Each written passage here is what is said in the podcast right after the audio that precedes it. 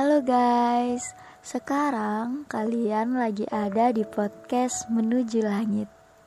Assalamualaikum warahmatullahi wabarakatuh. Ketemu lagi sama aku. Kemarin kita udah bahas tentang toxic friend. Nah, buat kalian yang belum dengerin podcast aku yang sebelumnya, kalian bisa dengerin dulu karena saat ini aku mau sharing tentang bagaimana sih teman masa depan kita. Oke, sebagai seorang muslim, teman itu bukan cuman pelengkap dalam keseharian kita aja. Tapi lebih dari itu, teman itu cerminan masa depan kita.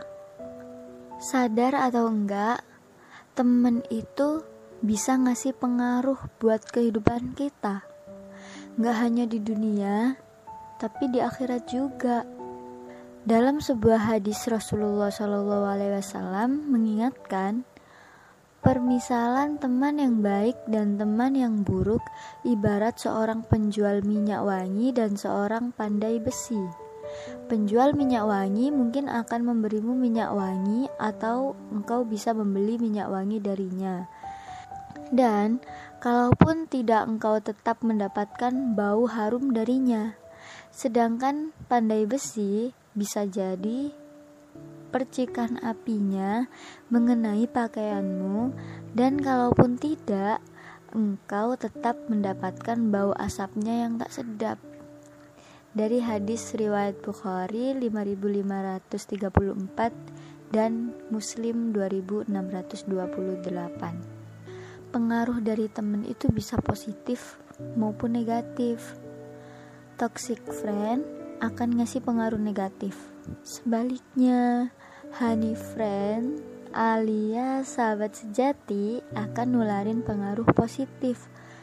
Karena itu, Imam Ali bin Abi Thalib mengatakan, temukan teman untuk dirimu sendiri dari antara saudara seagamamu karena mereka adalah harta dunia ini dan juga dunia berikutnya.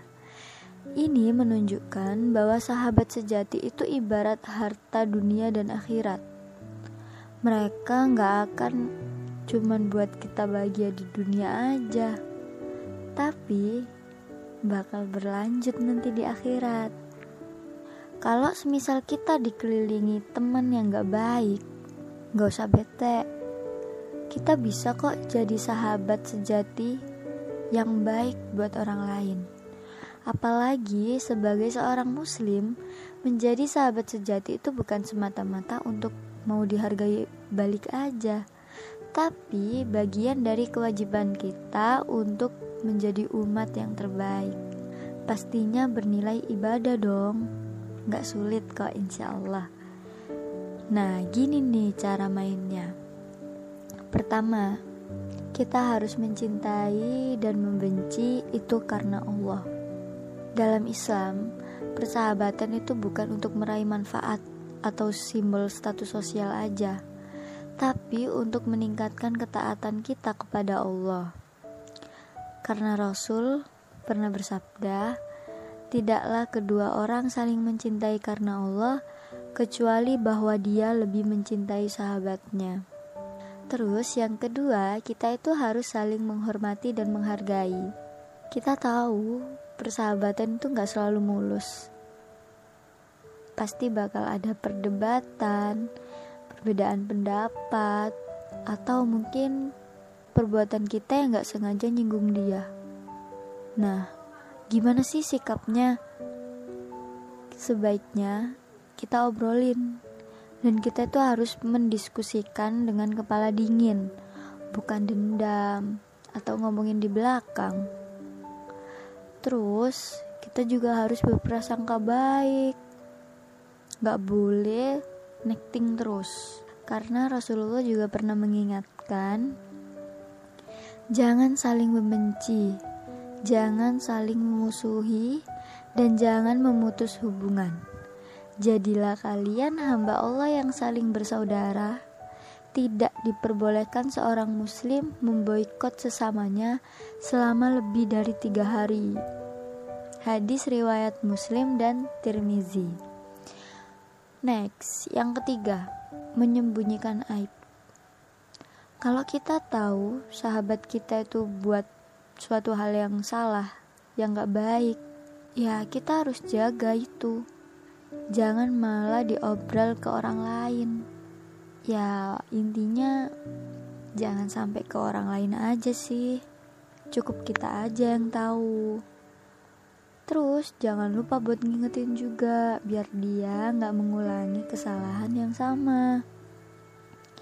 Rasulullah pernah bersabda, siapa saja yang menyembunyikan aib seorang muslim, maka Allah akan menyembunyikan aibnya di dunia maupun di akhirat. Allah akan menolong seorang hamba yang gemar menolong saudaranya. Dari hadis riwayat Muslim. Yang keempat, kita harus saling mengutamakan. Ada saatnya sahabat kita itu perlu bantuan kita. Waktu, tenaga, harta, ataupun masukan. Jadi, kita jangan sampai sungkan untuk menawarkan bantuan. Atau bisa kita ngasih hadiah aja untuk meringankan bebannya. Itu tuh yang diajarin sama Rasul. Terus ada lagi kita juga harus saling mengingatkan.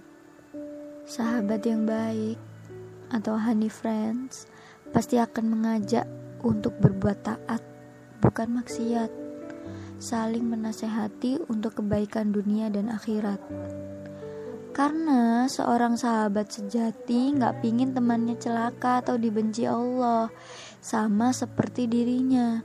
Jadi jangan segan untuk saling mengingatkan dan menyampaikan kebenaran Islam meski terasa sakit. Nah, semoga apa yang aku sharing tadi itu bermanfaat buat kalian semua dan bisa menjadikan kita sahabat sejati bagi orang lain atau nyari sahabat yang memenuhi kriteria tersebut. Percaya deh, sahabat sejati itu pasti ngasih kebaikan buat kita, gak hanya di dunia tapi juga di akhirat. Karena pengaruh teman sama lingkungan itu sangat besar membentuk cara berpikir dan perilaku kita. Rasulullah juga pernah mengingatkan, orang itu mengikuti agama teman dekatnya. Karena itu, perhatikanlah dengan siapa ia berteman dekat. Oh iya, cari sahabat itu harus sesama jenis ya. Cewek sama cewek, cowok sama cowok. Jangan cewek sama cowok, nanti bikin baper. Nah, malah salah deh semuanya. Punya sahabat itu emang indah banget. Lebih indah lagi kalau kita punya sahabat sejati. Seperti yang dikatakan Umar bin Khattab, menjumpai saudara-saudaramu akan menghapuskan segala kesedihan. Apabila Allah memberkahi kalian dengan hubungan yang erat dengan muslim lainnya, maka peliharalah hubungan tersebut sebaik-baiknya. Nah, itu mungkin yang bisa aku sharing ya guys. Semoga bermanfaat dan semoga kita bisa jadi sahabat yang baik, kita bisa jadi sahabat sejati buat orang lain dan kita bisa ketemu sama sahabat sejati kita. Amin. Terima kasih guys udah dengerin podcast aku. Tungguin podcast selanjutnya dari Menuju Langit ya. Assalamualaikum warahmatullahi wabarakatuh. Dadah.